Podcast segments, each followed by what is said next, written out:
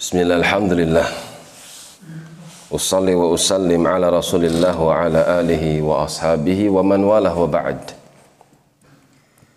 Masih di dalam surah Ash-Shura sampai pada firman-Nya walladzina istajabu li rabbihim orang-orang yang beriman lagi bertawakal kepada Tuhannya selain mereka meninggalkan dosa-dosa besar dosa-dosa kecil ketika mereka amarah kemudian mereka sanggup mengenyahkan amarah yang ada pada dirinya mereka pun adalah orang-orang yang istajabu li rabbihim.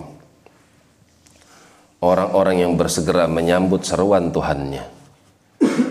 Ketika Allah perintahkan sesuatu maka mereka sambut dengan penuh kecintaan ketika Allah larang mereka dari sesuatu maka mereka meninggalkannya dengan penuh ketundukan. Wa aqamus salata mereka pun menegakkan as-salah yang diperintahkan. Wa amruhum syura bainahum.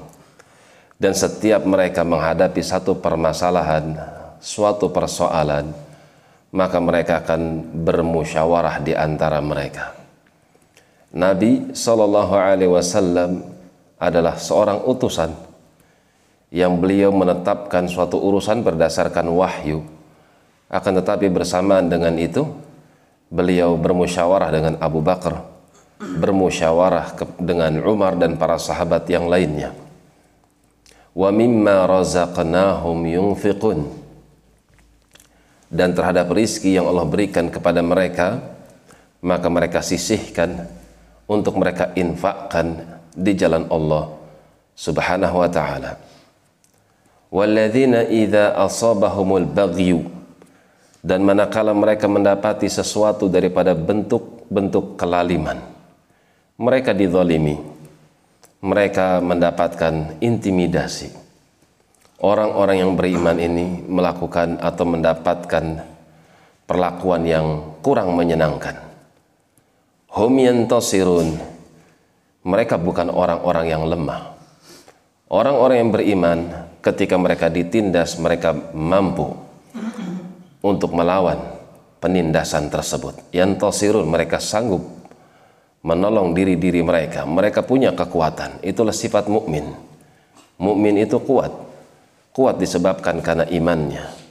Akan tapi bersamaan dengan kekuatan mereka orang-orang yang beriman mereka itu adalah orang-orang yang pandai memaafkan Nabi Shallallahu Alaihi Wasallam seorang yang kuat seorang yang memiliki kemampuan pemimpin kaum muslimin pada zamannya.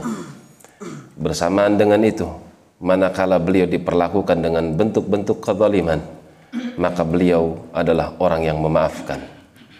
Contoh seperti ketika seorang wanita yang bernama Zainab, seorang Yahudiyah, ketika Nabi sampai di kota Madinah, beliau disuguhkan daging, yang ternyata daging tersebut adalah daging yang sudah mendapatkan racun Ketika itu daging tersebut berucap kepada Nabi Shallallahu Alaihi Wasallam bahwasanya yang kau makan itu adalah sesuatu yang diracuni.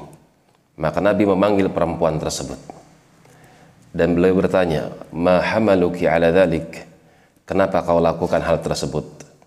Maka perempuan itu mengatakan, "Aku pengen tahu apakah engkau betul-betul nabi? Jika memang engkau nabi, maka kau tidak akan mati dengan racun tersebut." apabila engkau bukan nabi maka kami bisa beristirahat dari engkau Nabi Shallallahu Alaihi Wasallam melepaskan wanita tersebut memaafkan tidak memberikan hukuman kecuali ketika setelah mendapatkan informasi bahwasanya sahabat yang ikut makan bersama Nabi ternyata mati keracunan maka perempuan itu pun diberikan hukum kisos dibunuh demikian seorang muslim kuat akan tapi mereka adalah orang-orang yang mudah untuk memaafkan. Demikian wallahu taala alam bisawab.